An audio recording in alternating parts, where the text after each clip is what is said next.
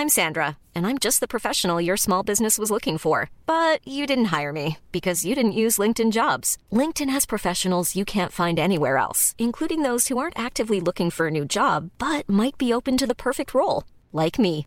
In a given month, over 70% of LinkedIn users don't visit other leading job sites. So if you're not looking on LinkedIn, you'll miss out on great candidates like Sandra. Start hiring professionals like a professional. Post your free job on linkedin.com/people today. Millions of people have lost weight with personalized plans from Noom, like Evan, who can't stand salads and still lost 50 pounds. Salads, generally, for most people, are the easy button, right? For me, that wasn't an option. I never really was a salad guy. That's just not who I am. But Noom worked for me. Get your personalized plan today at Noom.com. Real Noom user compensated to provide their story. In four weeks, the typical Noom user can expect to lose one to two pounds per week. Individual results may vary.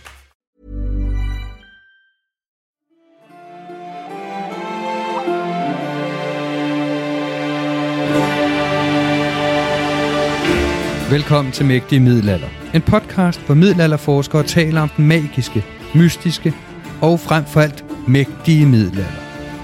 Mit navn er Thomas Ebelholm, og når jeg ikke er vært på denne podcast, er jeg lektor i middelalderhistorie på Syddansk Universitet.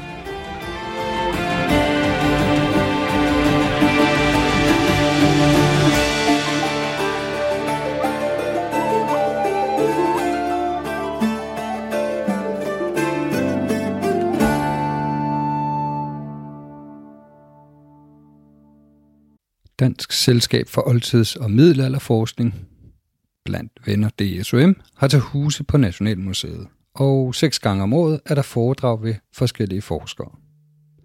Mandag den 4. september var arrangement af en samtale mellem Markus Hedemann, ledende redaktør ved Diplomatarium Danikum, og mig om Erik af Nærmere bestemt handlede samtalen om, om Erik af virkelig var så elendig en konge, som eftertiden synes at mene, eller om Erik i virkeligheden blot var en uheldig regent, og videre om Erik, hvis tingene var gået lidt anderledes, kunne have holdt sammen på Kalmarunionen.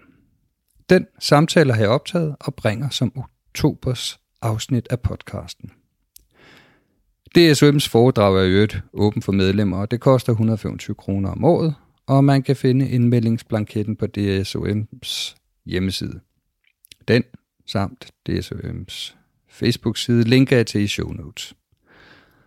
Og som teaser for et andet af efterårets DSM-arrangementer kan jeg jo at sige, at Anders Lund Hansen, en af podcastens venner, optræder i november med et foredrag om hans anmelderroste bog, Danmark, de første tusind år. Så hvis det har interesse, kan jeg kun anbefale, at man melder sig ind. Og øh, nu til samtalen om Erik af Pommern. Velkommen til DSOM, Dansk Selskab for Oldtids- og Middelalderforskning. Vi har i dag besøg af Markus Hedemann fra Diplomatariet i samtale med Thomas Ebel Holm, lektor på STU, som fortæller os øh, om Erik af Pommern.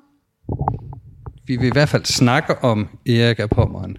Ja. Og øh, vi vil jo prøve at angribe Erik på en lidt anden måde. Øhm, men nu vil vi se, hvordan det går, Markus. Simpelthen. For velkommen. Tak. Øh, vi to har jo talt nogle gange om Kalmarunionen og om Margrethe den Første og om Erik af Pommern. Men nu skal det være, nu skal vi tale om Erik himself. Ja.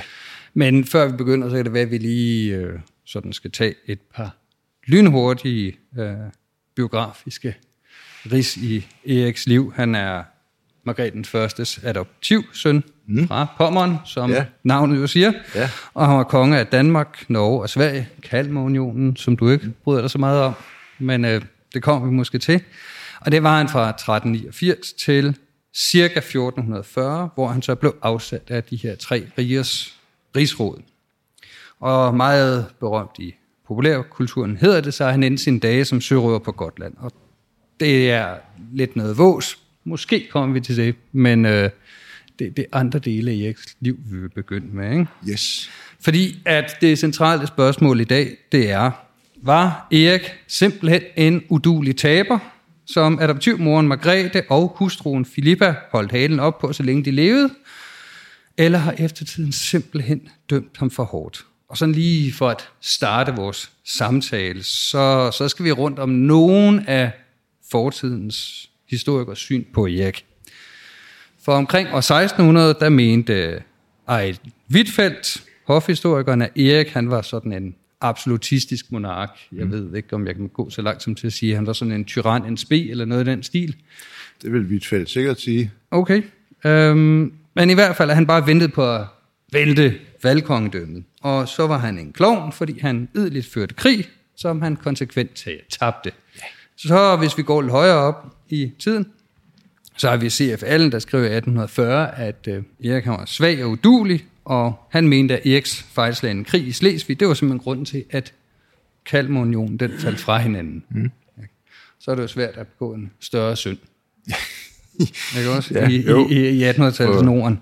Ja, bestemt. bestemt. Og sådan en, en 10 år efter, der var Frederik Barfod af den opfattelse af Margrethes dygtige uddannelse. Erik, det var spildte Guds ord på balle, Lars, fordi Erik, han var jo udlænding. Han var jo tysker. ja, det kunne ikke være værre. Nej vel? Simpelthen. Så han, han, øde, altså, han ødelægger det der nordiske broderskab, Ja, og ja. så er han også tysker. Ikke? Ja. Ja. Altså, det er jo næsten en sammensværgelse. Ikke? Frygteligt. Ja. Øh, men så kommer så mit yndlingscitat, som du har sendt til mig. Det er Dahlmann, der har skrevet det i 1843 i sin Geschichte von Dänemark, at Mar- øh, ved Margrethes død i, i 1412, det var sådan afgørende cæsur i, øh, i ja, Kalmarunionen, og, og, og, og øh, at det gik godt og frem til 1412, og så gik det rigtig, rigtig dårligt. Han skrev, hun sov næppe roligt ind med tanke på, at Erik skulle efterfølge hende. Ja ja. Det var virkelig, så, så var, Så var scenen sat. ja, ikke? Ja, Ja, og det man, man må også sige. sige, som adoptivmor, der har man virkelig fejlet, hvis man, hvis man dør og tænker, åh nej, ja. hvad jeg gjort? Ja, ja, ja. Okay, så nu skal du forklare os, Markus, hvorfor Erik han var en sådan en taber. Ja, øh, og der kan man sige, at der er jo nogle ret kraftige stemmer, som du selv har, har citeret, altså at øh, han var udulig, og han var tysk, og han var udlænding, og det er jo sådan den der 1800-tals nationale diskurs, om man vil. Øhm, jeg kan tilføje Frederik Barfod, som du nævnte. Han talte om, at i 1400-tallet fik Danmark i det hele taget mange tyske konger og sammenlignede det med øh, fuglen, der var hypnotiseret af klapperslangen, så den kunne sige, sige haps. Altså, øh, Øh, så det er jo en, en væsentlig baggrund for, at man har bedømt ham, som, øh, som man har. Øh, det er trods alt ikke alle stemmer, der bedømmer ham lige hårdt. A.D. Jørgensen, den store øh, patriot og 40 fortællinger af fædrelandets historie, øh, bedømmer ham faktisk meget positivt. Øh, og det er A.D. Jørgensen, der, så vidt jeg kan se, benytter sig af udtrykket Eriks kamp for Sønderjylland. Øh, det kan jo være, at der var nogen samtidig, der vil sige Eriks kamp imod Sønderjylland. Men øh, for Ada Jørgensen er han i hvert fald meget øh, en, en, en, en meget positiv skikkelse. Erslev, Sankt Erslev, han bedømmer ham nogenlunde øh, neutralt, positivt. Øh, men så er det heller ikke, øh, så er det heller ikke værre. Men alt i alt må man nok sige, at øh, altså, taberdiskursen har vundet.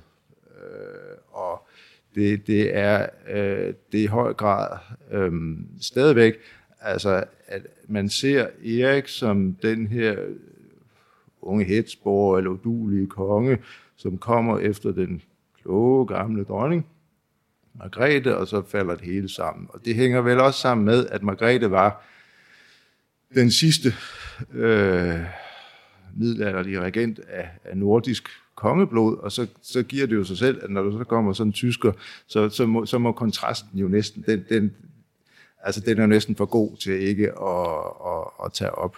Øh, og og nu, nu spurgte du så, hvorfor var, hvorfor, øhm, kan du forklare, hvorfor Erik var en taber? Ja. Og der øh, er, er, det, er, det, er det, hvad skal man sige, hurtigt svar, det var han jo. Altså, det, det blev han jo øh, til sidst. Øh, altså, han tabte øh, i, i sidste ende krigen om Slesvig. Han tabte øh, i forhold i, i magtkampen til, øh, til, til Rigsrådet, og, og måtte jo så øh, flygte hovedkuls til, til Gotland.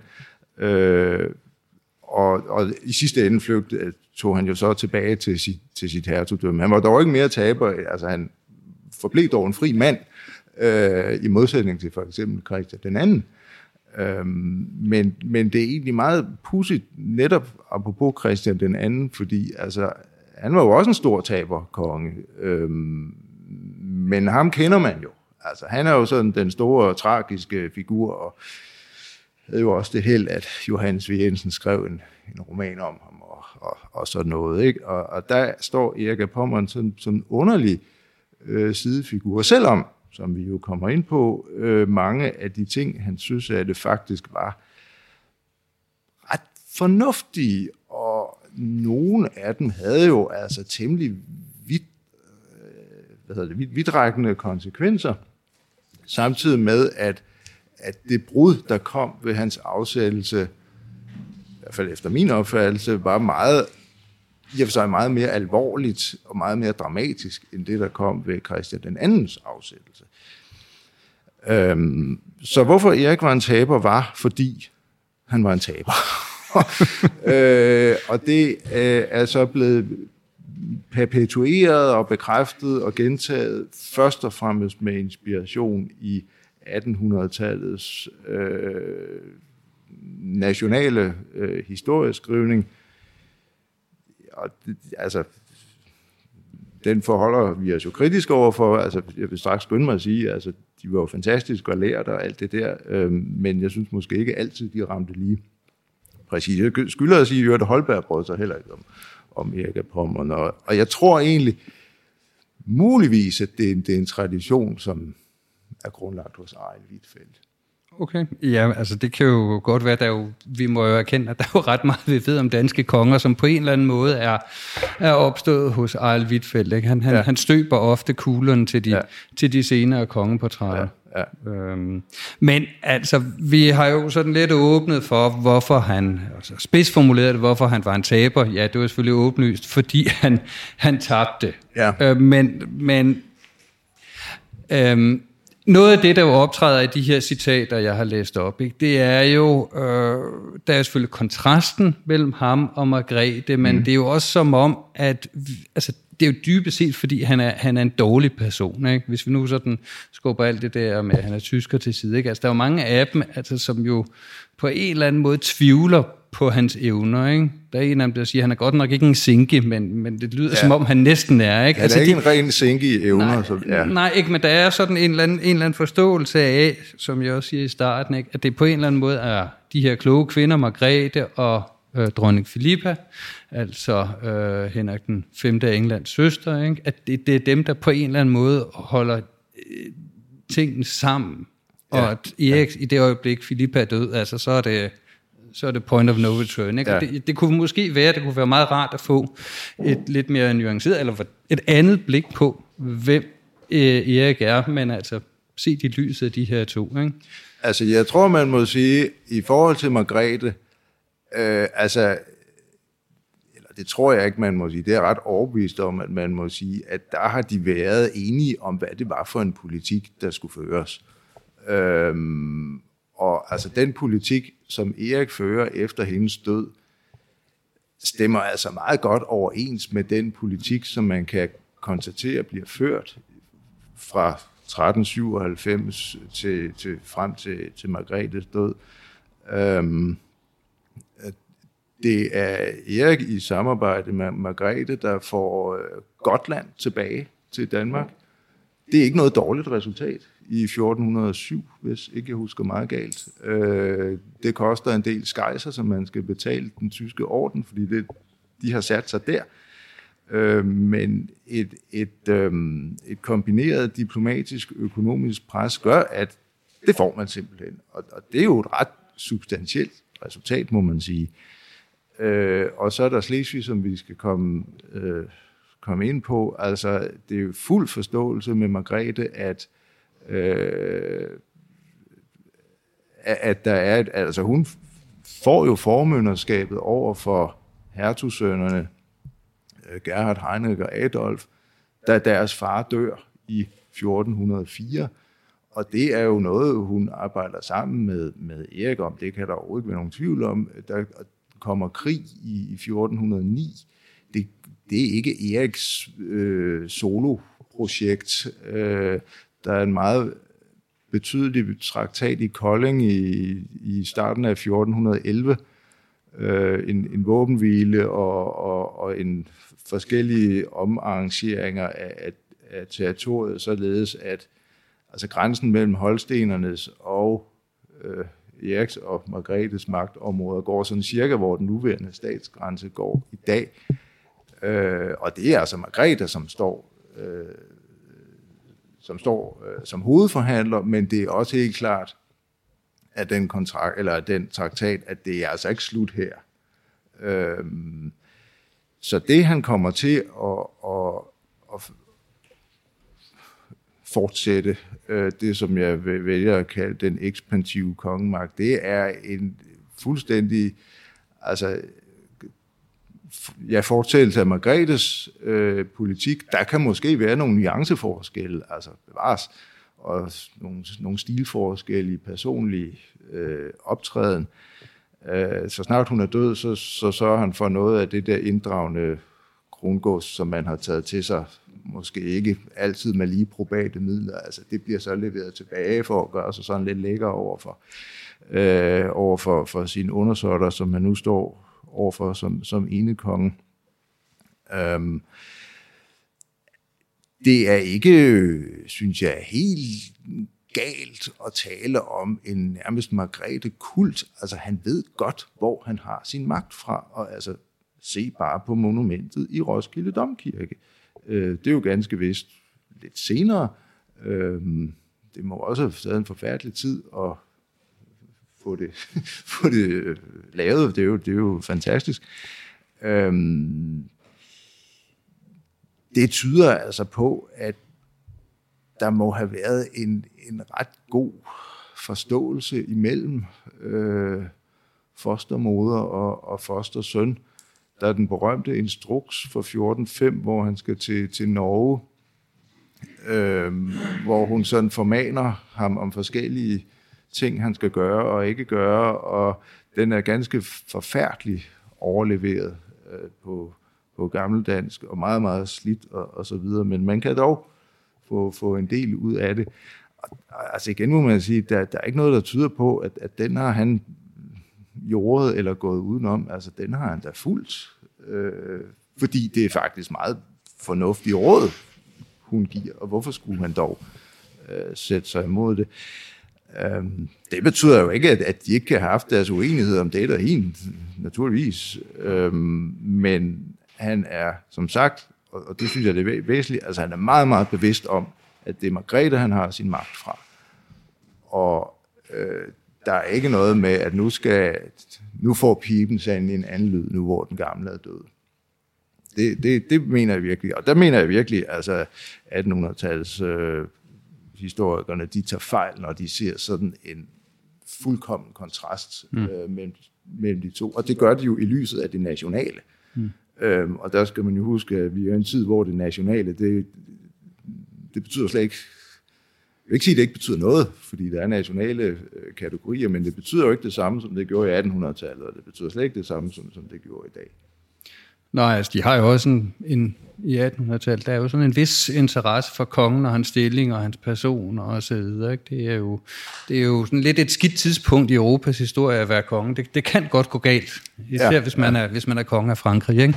øh, men, men det er jo ikke, øh, sådan som jeg kan forstå mine kolleger, der arbejder med 1800-tallet, og det er ikke helt så umuligt, at, at øh, Danmark også kunne have blevet en republik. Det er i hvert fald noget, der jo, der jo snakkes om. Ikke? Og så, mm-hmm. så kommer der jo op den her identifikation med kongen og, og fædre fædrelandet, og på den måde, så bliver kongen jo også på en eller anden måde personifikationen af, af epoker. Mm. Og når det så går godt, så er Margrethe jo god, og når det går skidt, så er, det Erik, der er dum. Ikke? Ja, ja, og, og Margrethe havde det store held, hun døde i tide, om jeg så må sige, Ja, fordi- altså, på, på, på toppen. Ja, ikke? fordi det er jo det, jeg hører dig sige. Ikke? Det er, at du, du argumenterer i virkeligheden sådan mere for en, en kontinuitet, ikke? Men, men altså med, med, med visse varianter. Øh, nu, nu har jeg også, jeg, jeg har kun læst dele af det her, den her instruks, øh, Margrethe sender til Erik, men det er nu altså også nok, den er, den er øh, både ret redsfuld at læse, tak ved det, du ja. har skrevet, men også ret indsigtsfuld. Ikke? Den har jo sådan næsten sådan machiavelske øh, øh, toner, ikke? Ja, Ja, altså det er virkelig real politik. Ikke? Ja, Ja, det er ikke noget med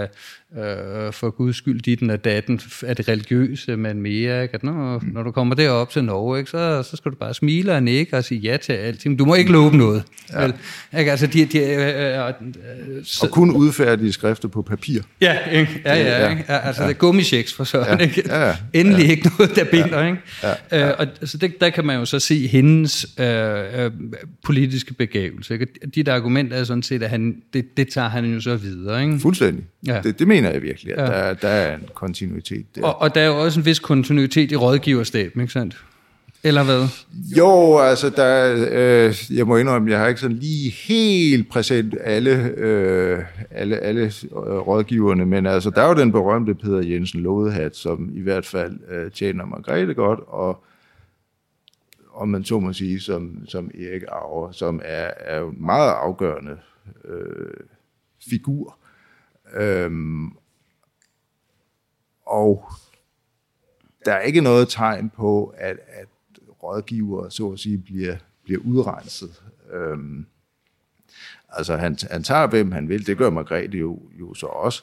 Altså, øh, men navnlig Peter Jensen Lodehat, synes jeg egentlig er, er i og for sig godt symbol på kontinuiteten mellem, mellem Margrethe og, og, øh, og Erik. Ja. Men, ja, men i selvfølgelig sådan 1800-tals skandinavisk broderskabsånd, der er der måske ikke helt så mange svenskere og nordmænd, som man kunne have tænkt sig. Nej, nej, øh, det, det er klart. Øh, men det er, jo, det er jo også fordi øh, politikken bliver mere og mere sydvendt, og han opholder sig mere og mere i, øh, i Danmark. Ja, fordi det er jo egentlig det, jeg så ser, når vi har snakket sammen undervejs. Ikke? Det springende punkt her, øhm, i hvert fald i forhold til sydpå, ikke? fordi jeg har jo to, to store problemer, ikke? et i øst og et i syd. Og hvis vi nu starter med det her i syd, ikke? Så, kan, Ja. så kan vi knytte Filippa op på det i øst. Det er Slesvig. Ja, Ja, ikke? Erik han vil jo med vold og magt have Slesvig ligesom Margrethe ville, og ligesom Valdemar Atterdag øh, ville have. Altså, det er, om man så må sige, det sidste store politiske øh, program, Ja. som, som, han har, som han har arvet. Og, og der er det, jeg synes, øh, at vi lige sådan skal slå fast, hvorfor Slesvig er så vanvittigt vigtigt. Ikke? Fordi hvis man nu tager sådan et landkort, ikke, så man jo se øh, Middellandets Danmark, Norge og Sverige, det er jo fuldstændig enormt, sådan rent geografisk, og det ser jo imponerende ud, og mine studerende nogle gange siger, åh mand, ikke, det er en supermagt, der jeg ved ikke hvad. Ikke? Ja, ja, ja. Der bor bare ikke nogen mennesker.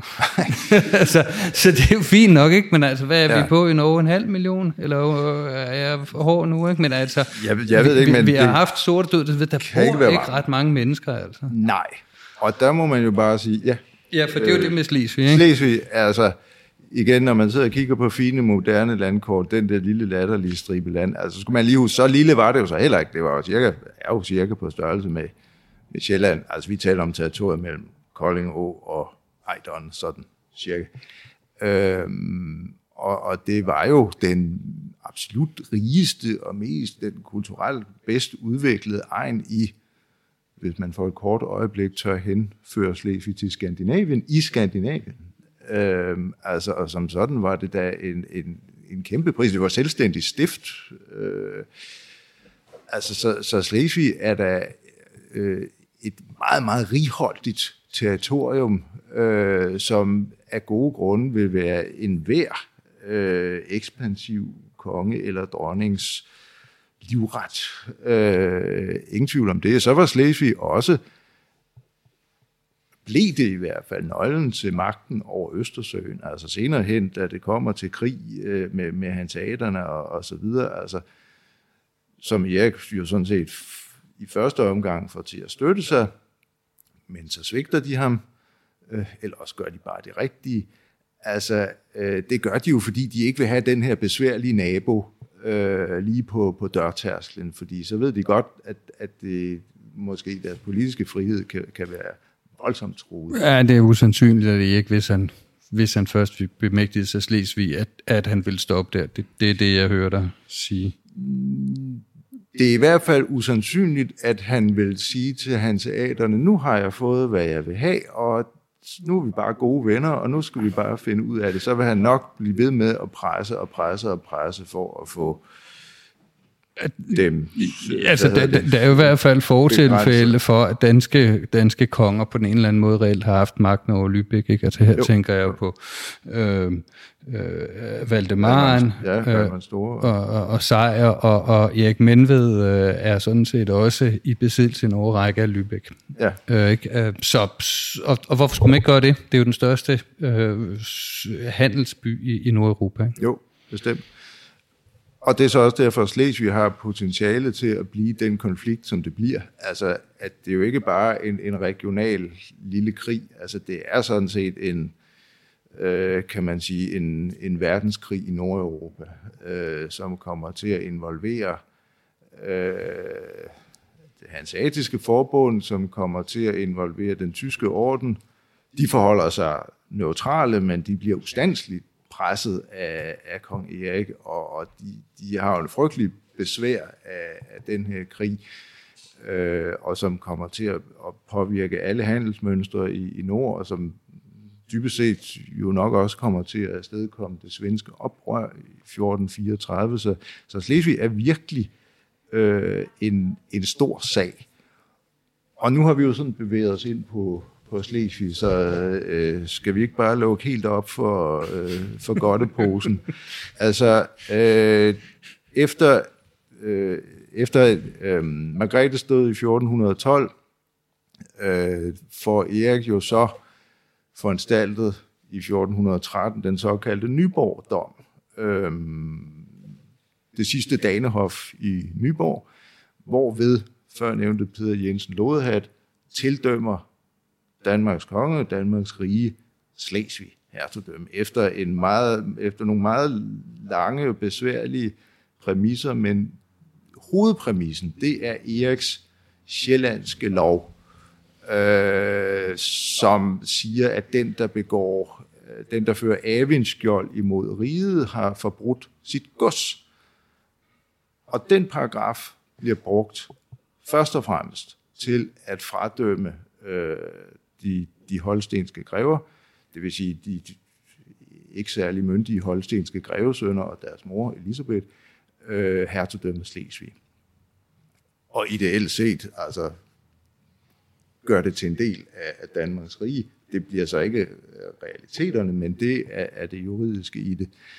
Og det er en meget, meget øh, interessant øh, sag, øhm, ikke mindst fordi, som sagt, der bliver anført lensretlige argumenter, altså at holstenerne har forbrudt deres len, fordi de har optrådt utilbørligt imod Danmarks rige. Øh, men der bliver så også brugt de her, om man så må sige, rene danske argumenter, nemlig før nævnte paragraf om Avinskjold, som står som hovedpræmissen, og øh, som Erik påstår, eller siger igen og igen, det er min, min moders arv.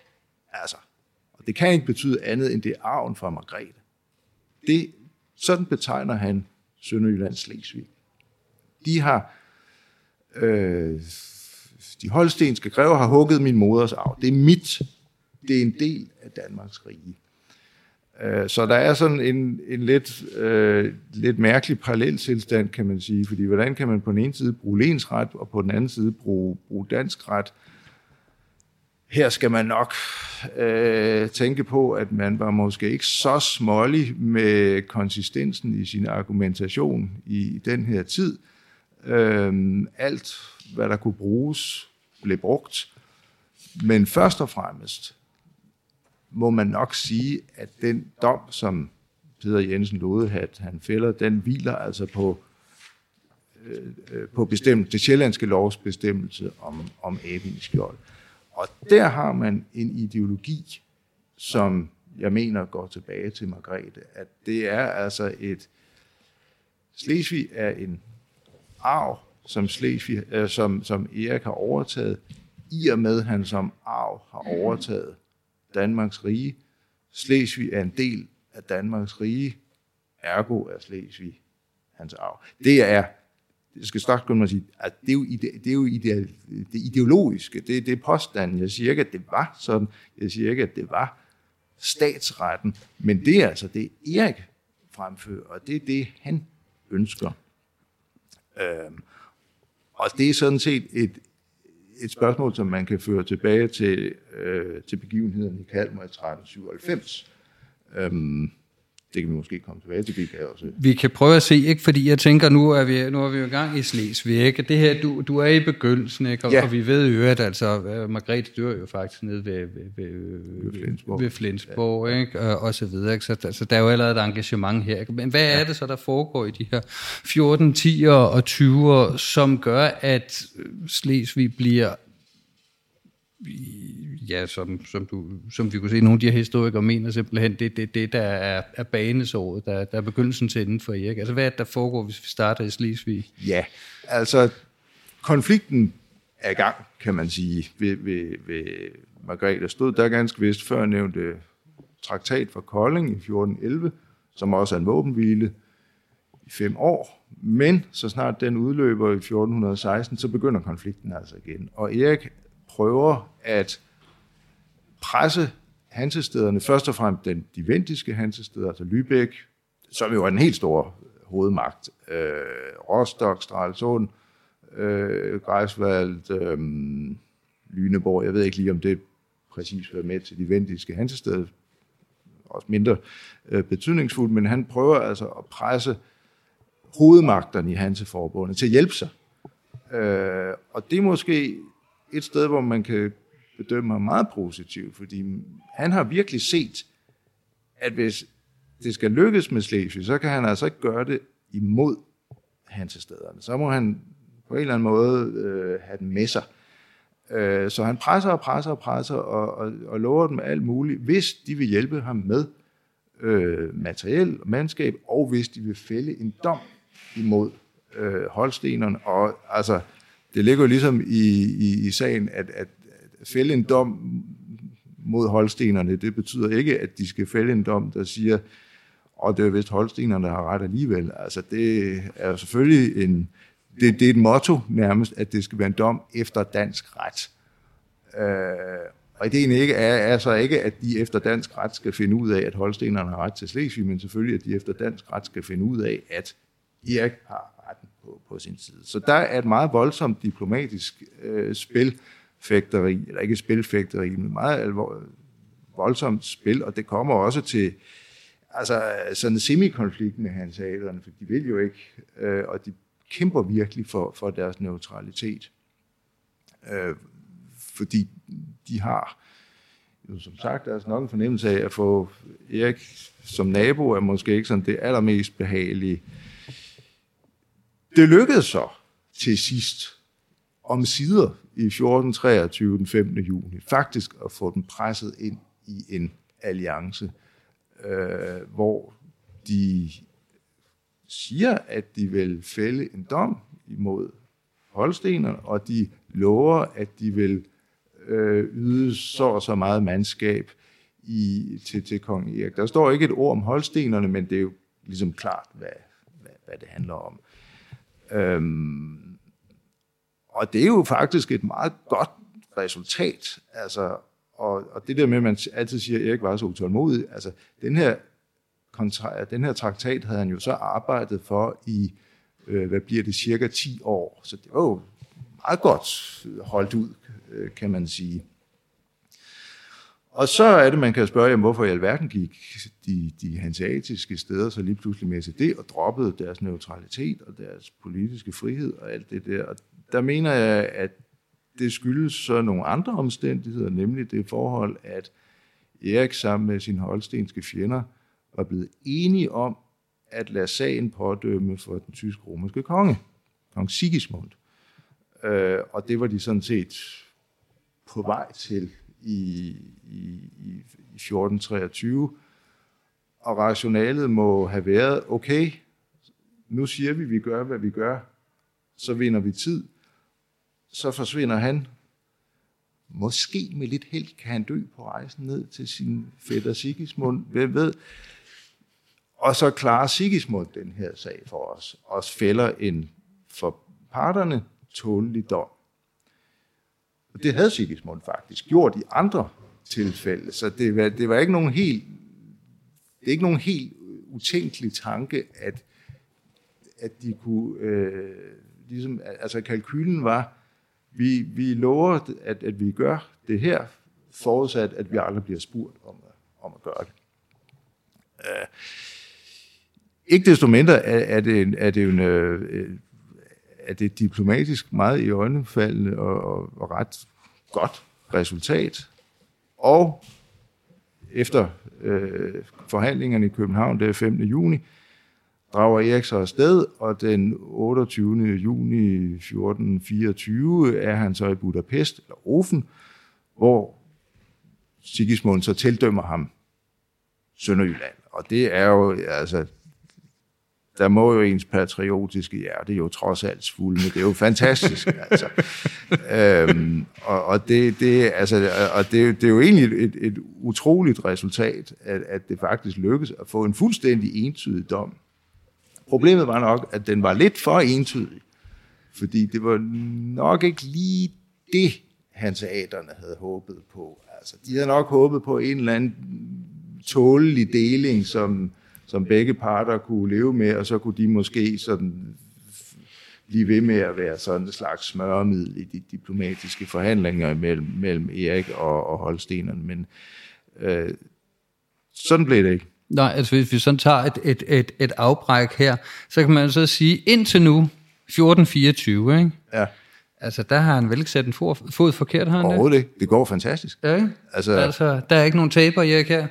Det er der bestemt ikke. En anden ting, man måske lige skal, skal huske at nævne, er altså, at hans magtovertagelse efter Margrethes død går jo fuldstændig gnidningsfrit. Hvilket er ret markant øh, i, i før moderne øh, politiske sammenhænge, altså hvor altså regenters død jo plejer altid at afstedkomme en eller anden form for krise og en eller anden form for øh, borger, nærmest borgerkrigslignende tilstand. Øh, fuldstændig omvæltning af, af systemet. Det går totalt glat. Intet sker andet, end han bare bliver ved. Øh, så nej, han har faktisk ikke sat en fod forkert. Nej, og, så, men, og nu, nu går det jo så galt, eller hvad? Ja, ikke helt endnu. øhm, fordi øh, altså, han, øh, han tager på, på pilgrimsfærd øh, efter dommen i, i Rufen. Ja. Og så i Jerusalem og kommer hjem mm. øh, i, øh, øh, i foråret 1425, og, og har jo været på, altså, på højden af, mm. af sin magt. Altså, han har fået den her dom, han har været på pilgrimsfærd, kæmpe, kæmpe prestige. Han har simpelthen været i sydens sol og fejre, at nu, nu er det lykkedes. Simpelthen. Og så sker der jo det, at så siger han til, til Hanse, sin hansatiske allierede, nu, nu har jeg den her dom, nu vil jeg faktisk gerne have Slesvig, nu skal jeg hjælpe mig med det. Ja, bare, ja, ja, ja, og sådan, man kunne måske lige sætte sig ned og snakke om det, og så, nej, det kunne man bestemt ikke, fordi det er entydigt, og det skal være nu. Det ved de ikke. Og de vender på en tallerken, og allierer sig med holstenerne, og i 1426 erklærer de simpelthen Erik krig. Sammen med holstenerne. Øh, og det var jo lidt en, øh, det var lidt en bed, og der kan man måske sige, at det, som han hvis han gjorde noget galt, i den forbindelse var måske at overvurdere lidt, øh, at have, have retten på sin side, øh, og, og presse hans aderne for meget. Han kunne måske godt have, have indgået en eller anden øh, pragmatisk løsning, men altså, man må huske på, at han havde altså arbejdet for de her ting i 10-12 år, øh, så det kan da godt være, at hans tålmodighed var en, en lille smule slidt. Så krigen bryder ud. Ja, for det er jo det, ikke? Fordi så, så bryder der jo så, så at sige, endelig, så at ja, sige, krig ud. Ja. Ikke? Det er jo selvfølgelig meget, igen, meget godt kørt, at vi faktisk ikke har haft de helt store fjendtligheder, men nu er den ja, der. nu er den der, ja. Øh, den, man kalder den forskellige ting, men kan sige, den anden hanseatiske krig, men øh, lad os bare sige krigen mellem Erik på den ene side, og Holsten og Hanseater på den anden. Øh, og i krigserklæringerne, der skriver de hanseatiske steder, at nu erklærer de ham krig, fordi han har overholdt deres privilegier rigtig, rigtig dårligt. Øh, og det kan de ikke have. Og der er altså ikke rigtig noget, der tyder på, at Erik og, og hans dronning Filippa, som vi lige også skal, skal Ja, med. fordi det er jo det, jeg sådan går, går og lægger op ja. til, ikke? Altså, hvad, hvordan det går krigen, ikke? Og, og hvad det er, Sverige har at gøre om den krig, men øh, bare fortsæt. Øh, altså, i, i, i hvert fald i tiden fra, fra indgåelsen af alliancen 1423 den 5. juni til krigen bryder ud, er der så ikke rigtig nogen tegn på, at der er privilegiebrud. Tværtimod, Filippa indgår en møntkonvention med, øh, med de vendiske hansesteder, som sådan set er, er meget fornuftig. Øh, så det tyder sådan set på, at der har været en, en, en relativ god forståelse imellem parterne. Og der, det er altså det, der får mig til at sige, at hovedgrunden til, at, at de går i krig, er simpelthen frygten for at miste deres politiske afhæng, øh, uafhængighed, og frygten for at få den her meget besværlige nabo i, i Slesvig. Og hvis de skulle have hjulpet ham til det, så ville det måske øh, se meget dårligt ud for dem. Altså at de nærmest har hjulpet en potentielt meget besværlig øh, konge til, til magten, og, og, altså over hele Østersøområdet simpelthen. Mm. Øhm, så jeg mener sådan set, at de krigserklæringer er, er, er løgn, hvis man skal sige det meget. Men altså, hvordan, hvordan, hvordan går det så i den her krig? Ikke? Fordi vi, vi, vi skal have vores øh, svenskere ja, på banen, vi skal, ikke? Ja, nu skal vi skynde os frem til svenskerne. altså, det går rigtig godt, indtil det går rigtig dårligt, Ja, kan man det sige. Det. øh, det går sådan set ret dårligt for den hanseatiske flåde, bemærkelsesværdigt, men det går ikke så godt med den danske landkrig. Mm.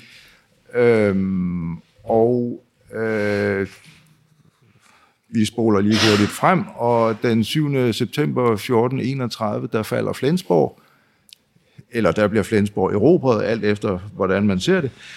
Øhm, og der har Erik af Pommern og hele det, kan man sige, margreteske regeringssystem simpelthen tabt. Altså det er Flensborg, der kommer til at blive prismet for Eriks og hele systemets nederlag. Og det kommer til en, en våbenhvile, som man højst ugerne går med til i 1432 i, i Horsens. Så kommer det senere hen til en fred i 1435 i Vordingborg. Men for inden så kommer oprør. Ja, og det er bare lige en til, vi knytter til Flensborg tabte, men indimellem er Øresundstollen nu indført. Den skal vi snakke om sidenhen. Ja, en lille ja. bitte smule. Ikke, Ja. ikke noget Øresundstolls foredrag i dag, men uh, vi, vi skal uh, krydse den. Ikke? Men, men, uh, men det, det understøtter det her, du siger med, at på, på, til vands går det fint for danskerne, men land ikke så godt. Der går det ikke så godt, nej. Øh, det gør det altså ikke. Men, men ja, vi har altså Flensborg tabt, våbenhvile, fred, utilfredsstillende hele vejen rundt. Men, Ja, altså, og det tolker jeg som, at for Erik er det simpelthen systemet, er det systemet Erik af Pommern, der, der er gået tabt. Ja. Og det kæmper han alt, hvad han kan for at, øh, at bevare. Og nu begynder han virkelig at genere den hanseatiske handel. Altså nu bliver deres privilegier brugt i stor stil og, og så videre. Og så er det øh, den 16. august 1434, at øh, svenskerne, anført af Engelbrekt, Engelbrektsson fra Dalerne, de gør oprør imod ham. Og de simpelthen øh, de opsiger ham hul og troskab, som det hedder. Øh, og hvorfor lige svenskerne? Øh, ja, det er jo et godt spørgsmål, men der har jo været tradition i Sverige for at gøre oprør mod konger, kan man roligt sige.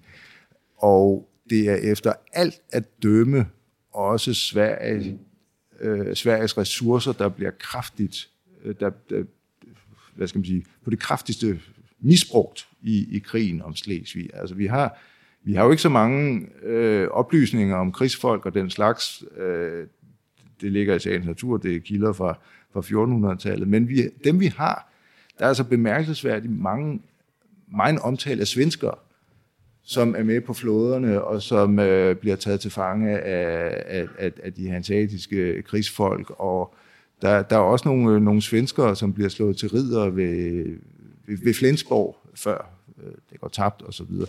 Altså, så noget kunne altså tyde på, at der er et voldsomt ressourceforbrug der, og der er det hele den svenske malmhandel med, med hanseaterne, som selvfølgelig er, er sat på hold, så længe den her krig går på, hvilket jo også alt andet lige betyder fattigdom og, og elendighed. Men hovedgrunden til, som Engelbrecht anfører til oprøret, det er simpelthen de, øh, de utilbørlige skatter. Øh, der er ikke noget med, at øh, vi, kan, vi vil have en svensk mand på tronen eller, eller sådan noget. Det, det er altså det er ressourcerne, det, det handler om. Mm. Kan man, og det er en tanke, jeg nu får, øh, fordi jeg har hørt en, en svensk kollega tale om nogle af de her svenske øh, såkaldt bundeoprør, men hvis de har været engageret i Flensborg og så videre, så er vi næsten helt ude i, at det er sådan nogle øh, hjemsendte veteraner også. Altså, altså, altså at, at, at, er bundeterm faktisk er misvisende, at der måske faktisk er en vis del af dem, der er decideret professionelle, men hjemsendte. Det har jeg ikke tænkt over, men øh, det er da en, øh, det kunne altså, da være en de, besnærende tanke. Altså, de besejrer jo de her øh, øh, dansk-tyske styrker, eller hvordan nu Det er sandelig nogen, der ved, hvordan man, øh, hvordan man svinger et svær, ikke? Altså, det, det, altså sådan... Øh, øh, øh, sultens slave her, der rejser sig, det er der ikke skyggen af. Altså, og, og de her bjergværksfolk, altså, det er nok sådan forholdsvis øh, holdende typer. Øhm, men altså, det, det er en spændende tanke. Vi vil da gå så langsomt til at sige, at der har været en udpræget grad af, af voldsparathed, øh, så, som de har øh, profiteret af, de, de her oprør. Det er værd at nævne, at i brevet, der står der, øh, Engelbrekt Engelbrechtsen, øh, Erik Puge, bla bla bla, vi øh, opsiger hermed Erik af Pommeren, altså det skriver de vist ikke, men altså kong Erik, Hul og Trosgreb, og så bliver nogle svenske råder, de bliver nævnt. Og så står der, ja, vi er desværre blevet holdt som gissel her, som gisler, så vi bliver altså desværre nødt til at, at, at skrive under på, på det her.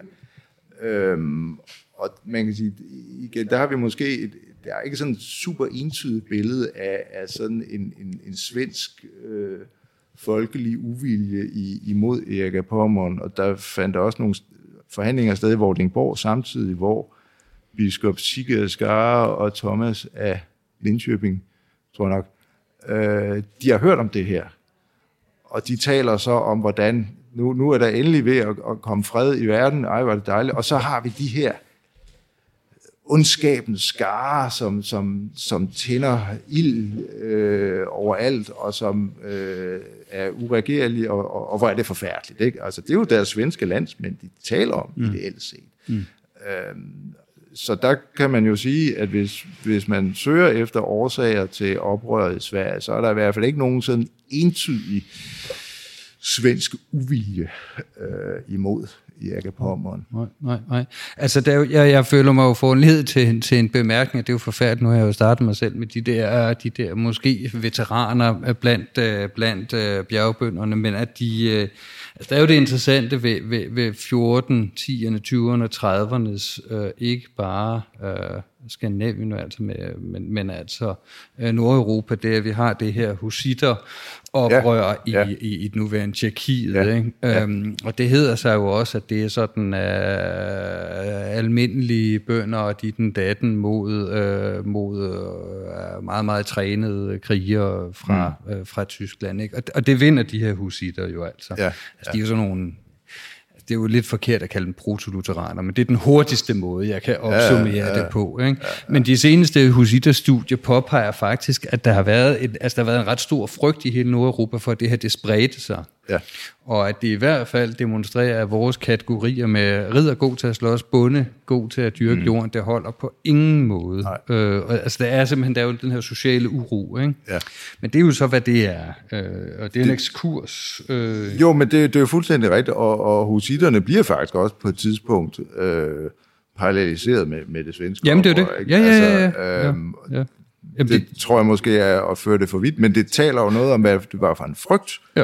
Man, man havde for de her bønder. Der er jo også i Danmark, at der efter Christoffer Bayern er kommet til nogle ret alvorlige bondeoprør under, under Henrik Thasen. Det lykkedes så at slå ned, Ja, øh, og man kan så sige, at den grusomhed, hvormed man så straffede de, de her folk, siger måske noget om, hvad for en frygt man Jo, men man altså, for altså oprøret er jo næsten det samme som, som, som kætteri, ikke? fordi du er ved at få sådan en eller anden forestilling om, at, at, det at sætte sig op mod samfundsordenen, det er at sætte sig op mod Guds, ud- øh, Guds stedfortræd, og Ja, så videre, og så videre, ja, alt det her. Ikke? Men der var jeg egentlig ville frem, inden, fordi men det er mig selv nu, der har, der har begået fejlen der. Vi har jo det her svenske bondeoprør. og vi skal jo selvfølgelig rundt om en anden en i, i hele det her, ikke forbrydergalleri, men det her galleri, der får udråbt Erik til taberen, det er jo, at øh, du har argumenteret for, at svenskerne gør oprør dybest set, fordi de, øh, de skal bidrage til en krig i, øh, i et relativt stort omfang, en krig, som de taber. Og så er der jo den her med, at man nogle gange har sagt, okay, Margrethe er død, men der er gudskelov Filippa, Ja. som jo, altså gudskelov har noget hjerne, der har Erik ikke, og hun kan jo styre det der svensker, og så dør hun jo. Ja. Og så går det jo galt, ikke? og så viser det bare, hvad han for en tumpe. Ikke? Ja, ja, ja, ja. Altså hun døde i 1430, øh, og, og det er jo sådan lidt pudsigt, at det er jo ikke længe efter hun dør, at så går det faktisk galt. Øh, og hun har efter alt at dømme været en yderst øh, begavet og, og handlekraftig person. Øh, I 1420, der får hun omformet sit livgitting, sådan at hun praktisk talt får hele Sverige, øh, som er en voldsom magtforøgelse af, af det hidtidige, hun, hun havde haft. Og det vil sige, sagt lidt, øh, lidt hurtigt, hun bliver nærmest vicekonge af Sverige. Og som sådan har hun været enormt effektiv. Det kan der overhovedet ikke være nogen tvivl om. Og altså, øh, det har været nødvendigt at have en effektiv medarbejder i, i Sverige, fordi Sverige er, er, er vanskelig. Øh, meget vanskelig. Øh, så selvfølgelig er det fristende sådan at, at sige, jamen når hun dør, jamen så kan dumme Erik slet ikke finde ud af noget. Altså, billedet er nok snarere, altså når hun dør, så kan han simpelthen umuligt over, overkomme det hele. Der bliver simpelthen for meget at, at tage sig af. Øhm, det er i hvert fald øh, en udlægning. Øhm, Filippa har været, Øh, vi har talt om hende i anden, anden sammenhæng, og altså hele omformningen af det her livgivning, det er nok så meget øh, forbundet med, at Eriks og hendes designerede efterfølger, nemlig Eriks fætter Bugislav, øh, simpelthen skulle overtage, når, når han, han døde, og på det tidspunkt i 1420 står Erik over for sit hyostratisk berømte feltog til, til Femeren, og det kunne da godt være, at han blev mokset af ved den lejlighed, og derfor skulle han lige have sikret øh, boet, inden, inden han tog afsted.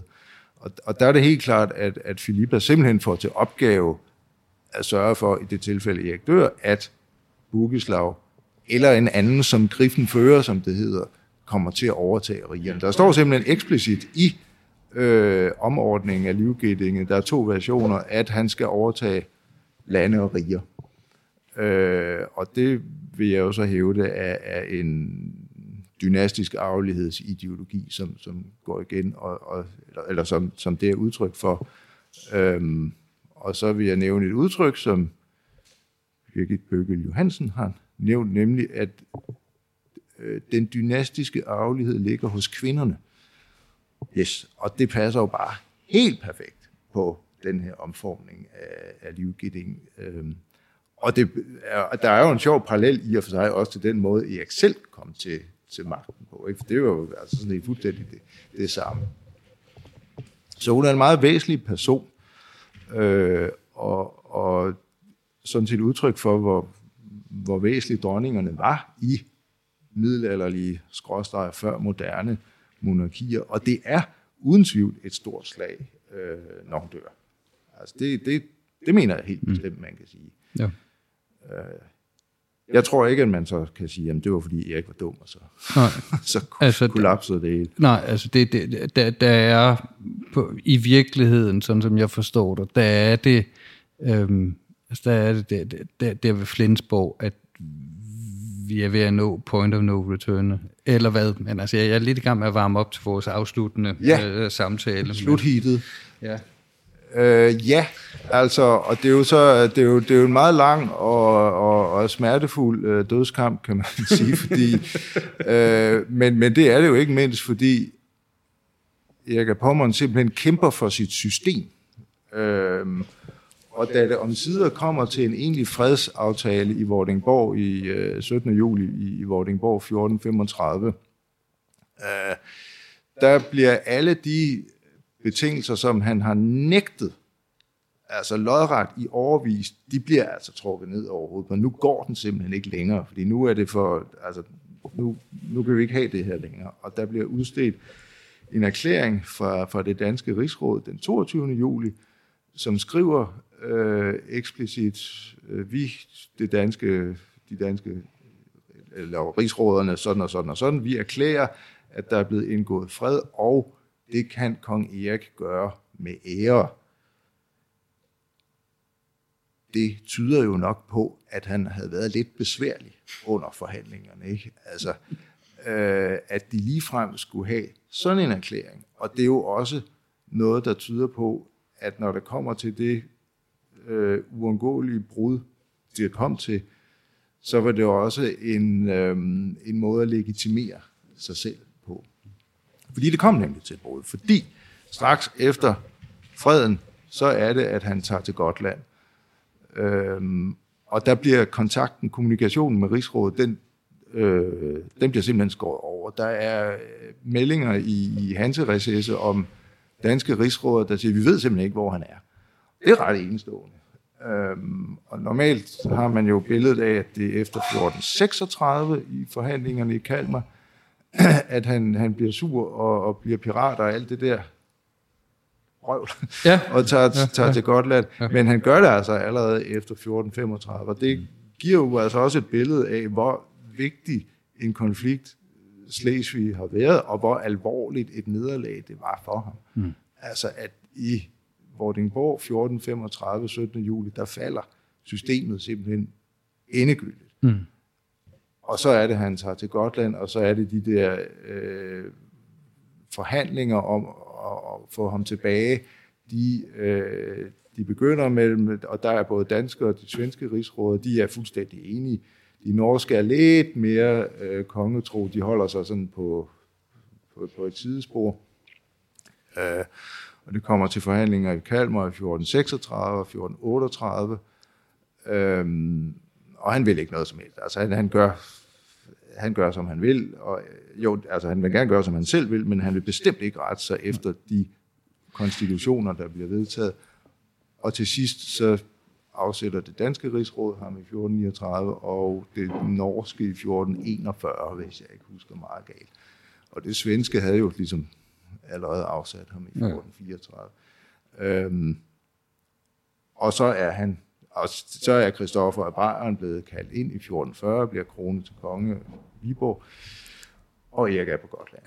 And the rest is history i den henseende, ikke? Det kan man sige. Men her kommer jo så øh, det afsluttende spørgsmål. Det er både et øh, skrækindjagende og et herligt spørgsmål for enhver historiker. Vi skal nemlig arbejde med kontrafaktuel historie. Ja, Markus, hvad var der sket, hvis Erik enten ikke havde angrebet Slesvig, eller hvis han havde besejret svenskerne? ja. Ja, ikke? Øh,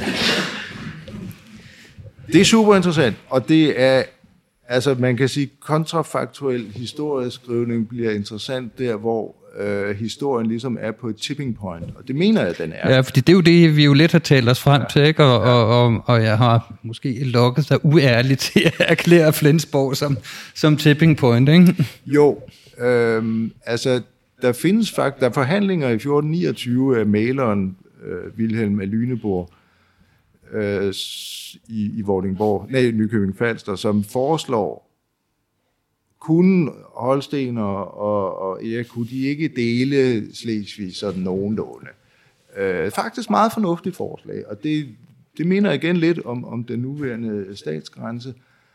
Og der kan man måske sige, at der kendte han muligvis ikke lige sin besøgelsestid, fordi øh, der skulle han måske have slået til. Så jo, okay, vi gør det, fint, så må de få Gottorp, jeg får Flensborg, og, og så, øh, slår os vi, så slår os vi til tål med, med det her. Men han afviser fuldstændig blankt. Det kan der overhovedet ikke være tale om. Der er kun én vej, og det er øh, øh, øh, make, make Alt eller intet, ikke? alt eller intet, ikke? Altså, øhm, og der er man måske ude i at overveje lidt, hvad, trods alt, hvad han er for en natur og, og sådan noget. Og når man spørger, hvad skete der, hvis han ikke havde angrebet Slesvig? Jeg tror, der var sket det, at han var blevet sat af i en fart, fordi sådan en svag konge kan man ikke have. Altså sådan en, en, der ikke kan opretholde rigets ære, så det er, altså det er helt utænkeligt. Øhm, Så, så sådan som jeg hørte det, næsten som om at han var, han var pisket på en eller anden måde til på et eller andet tidspunkt at gå ned og, og udføre en anden form for militære handlinger nede i Slesvig, og han så, og han så ikke er helt kvik nok til at stoppe, mens lejen er god. Jo, men jeg tror nok også, han gerne gjorde det. Altså, øh, det var simpelthen det, der lå i forventningerne til enhver, øh, enhver dynast i, i tiden. Altså, det var jo at erobre og, og, og, og slå ihjel. Og, og, Jamen, det skal jo vækste. Der skal vækste, ikke også? Det kender vi godt. Jo, jo, men det vækstede jo også, så længe det gik godt, kan man, kan man Det sige. kender vi også i dag. Ja, ja, ja. ja, ja. Øh, og så var der det med Sverige. Ja, hvis han havde vundet. Ja. Altså, det lykkedes jo faktisk at, at, at hvad skal man sige, at, at komme om ved oprøret i den forstand, at, at det svenske rigsråder fik, øh, fik bragt oprøret til, til, til hold. Altså, øh, men det ville have krævet, at han var gået ind på en konstitution, som var umulig for ham at, at acceptere. Altså, med en meget, meget større grad af rigsrådets, kon, af rigsrådets kontrol, som jo så også var det, der kom til at blive tilfældet under Christoffer Bayern, og ja, faktisk helt frem til, til enevældens øh, indførelse. Øhm, så hvis han havde vundet over svenskerne, så havde meget set anderledes ud, Ja. vil jeg sige. Altså, så, så, så mener du, så ville det, have, så ville det formentlig hænge sammen øh, i, i, i den konstruktion, der var 14, jeg tror, altså- 14 0, 10, Ja. 20'erne. Hvis jeg, hvis jeg virkelig skal, skal våge et øje, altså, så vil jeg sige, jeg tror, at så havde han reddet sit regeringssystem. Ja. Trods Flensborg. Trods Flensborg, ja. Så kunne han være parat til, til runde to. Ikke? Og der, Netop. så bliver man alligevel lidt frisk til at sige, at sådan en taber var Erik ikke, men han har så godt nok været stedig, og han har på, indimellem, der har han altså haft lidt problemer med situationsfornemmelsen. Eller hvad? Jo, Eller vil du sige, at det er faktisk simpelthen, altså, der, der, der, der er et lokomotiv, der er sat i gang, som gjorde, at det har været vanskeligt at- vende om, når man nåede så langt? Ja, det tror jeg, altså når man har været i krig hele sit liv, hvad de jo var, de her, altså så, så er det jo nok lidt svært at træde tilbage og sige, nå ja, nu kan jeg godt se, nu, nu, nu kigger vi lidt rationelt på det, og sådan. Det, det vil måske være fornuftigt at gøre, gøre det lidt anderledes, og jeg skal heller ikke, og de andre skal også have ret. Altså, jeg, jeg, altså folk er jo dybt radikaliseret og traumatiseret, øh, og det skal man bare huske på. Det er en af de her situationer, hvor vi godt gad at have kilder, som dem englænderne har, hvor man kan identificere høge og, og duer ved, ved, ved, den- ved det engelske kongehof. Ja, der var faktisk en rådmand, der hed, eller en rådgiver, der hed Jens Due, men altså, det, Men det kan jo godt være, han er en hø. Eller? det kunne godt være, han var ja, ja. Vi når ikke mere, Markus. Rigtig tak for snakken, og tak for, at I lyttede med, og vi håber, I synes, det var spændende. Tak.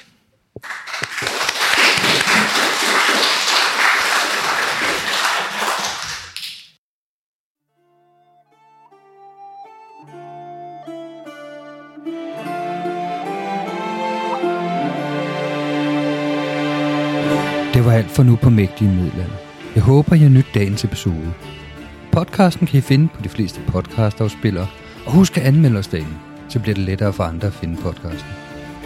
I kan også følge os på Facebook og Instagram, og intromusikken var af Nicolas Soto Urea, og underlægningsmusik og effekter er skabt af Anton Færk.